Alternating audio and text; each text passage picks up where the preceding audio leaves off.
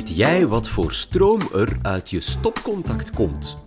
Blijkbaar is dat niet dezelfde soort als degene die onze laptop, onze televisie of onze kookplaat nodig heeft. Jolien de Spegel onderzoekt elektrische energiesystemen en neemt ons mee in de wonderenwereld van adapters en convertoren. Komt je elektriciteit fout uit het stopcontact? Dit is de Universiteit van Vlaanderen.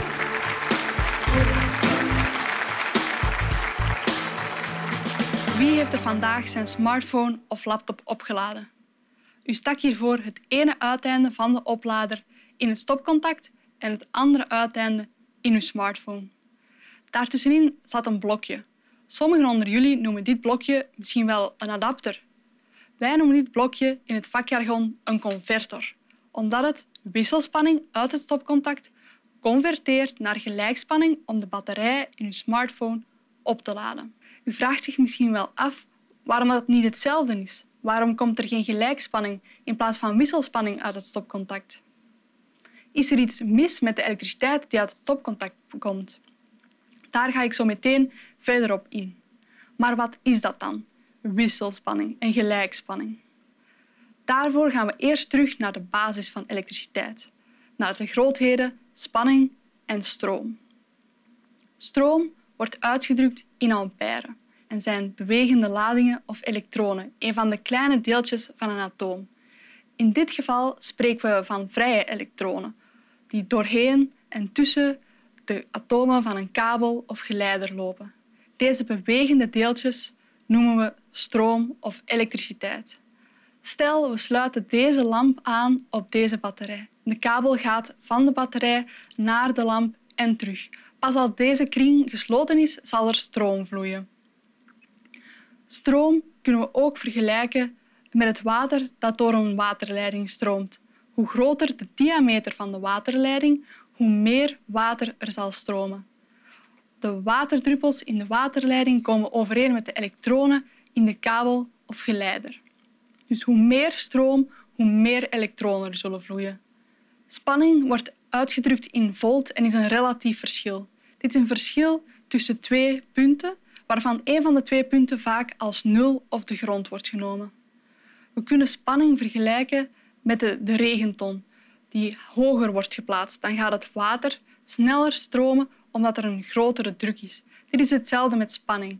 Hoe groter de spanning, hoe meer stroom en hoe feller de lamp zal branden. Nu we de basis van spanning en stroom onder de knie hebben, gaan we terug naar de kern van de zaak. Wisselspanning en gelijkspanning. Wisselspanning wordt afgekort tot AC naar het Engelse alternating current.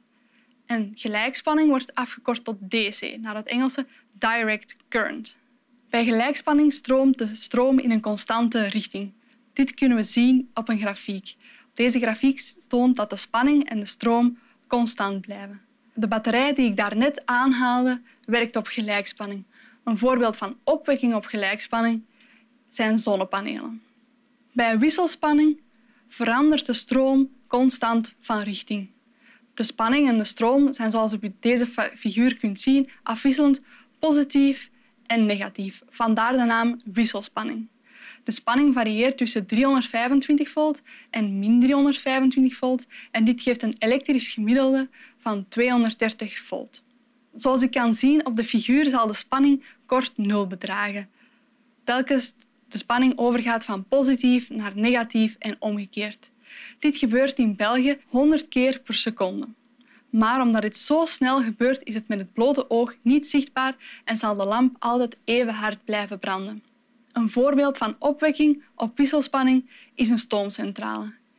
In een stoomcentrale zet de stoom een turbine in beweging. Deze turbine drijft een generator aan. Een generator bestaat uit vele windingen met in het midden een ronddraaiende magneet. Deze magneet wekt een magnetisch veld op van de Noordpool naar de Zuidpool. Telkens de magneet een halve rotatie heeft gemaakt, zal de stroom van richting veranderen. Dit gebeurt in België 50 keer per seconde of aan een frequentie van 50 hertz. Zo ontstaat dus wisselspanning. Dit is wat er vandaag uit onze stopcontacten komt. Dus we hebben een convertor nodig om wisselspanning om te zetten naar gelijkspanning. Waarom is niet alles gelijkspanning? Mijn gsm werkt op gelijkspanning, dus een gelijkspanning stopcontact zou wel handig zijn. Daarvoor moeten we terug naar de beginjaren van de elektriciteit. Eind 19e eeuw waren er twee rivalen, Edison en Tesla. Edison was een voorvechter van gelijkspanning en Tesla een voorvechter van wisselspanning. In die tijd gebeurde de opwekking voornamelijk via relatief kleine generatoren, die zowel op wisselspanning als op gelijkspanning werkten. De opwekking was lokaal en dus vooral kleinschalig. En de voornaamste gebruikers in die tijd waren motoren en verlichting. Nu, voor een gloeilamp maakte het geen verschil, want deze werkte zowel op wisselspanning als op gelijkspanning. En er bestonden zowel wisselspannings- als gelijkspanningsmotoren. Deze opgewekte elektriciteit moest natuurlijk nog via een netwerk van kabels tot bij de gebruiker komen. Initieel gebruikte men daarvoor gelijkspanning, omdat dit het eenvoudigste was. De eerste installaties waren een paar honderd meter lang. Deze gelijkspanningsnetwerken bevonden zich in de Verenigde Staten, maar evengoed in onze eigen steden zoals Antwerpen en Brussel. Gelijkspanningsnetwerken en wisselspanningsnetwerken bleven lange tijd naast elkaar bestaan, tot het beslissende moment in 1929, de economische crisis. Om het herstel te bevorderen werden grote nieuwe investeringsprojecten opgezet, zowel in de Verenigde Staten als in Europa. De mogelijkheid om met wisselspanning elektriciteit over een lange afstand te transporteren op een efficiënte manier gaf de doorslag. En zo werd definitief gekozen voor wisselspanning. Dus zo won Tesla met zijn wisselspanning van Edison met zijn gelijkspanning. Waar staan we vandaag?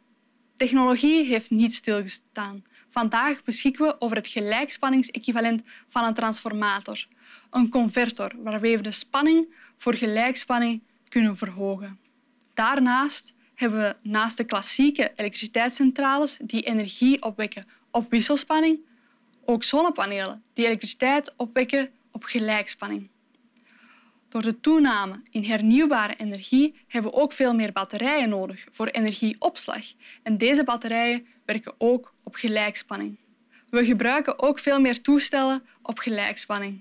De meest voor de hand liggende toestellen zijn je smartphone, laptop, maar ook de ledverlichting, printer, televisie en zelfs je inductiekookplaat werkt op gelijkspanning.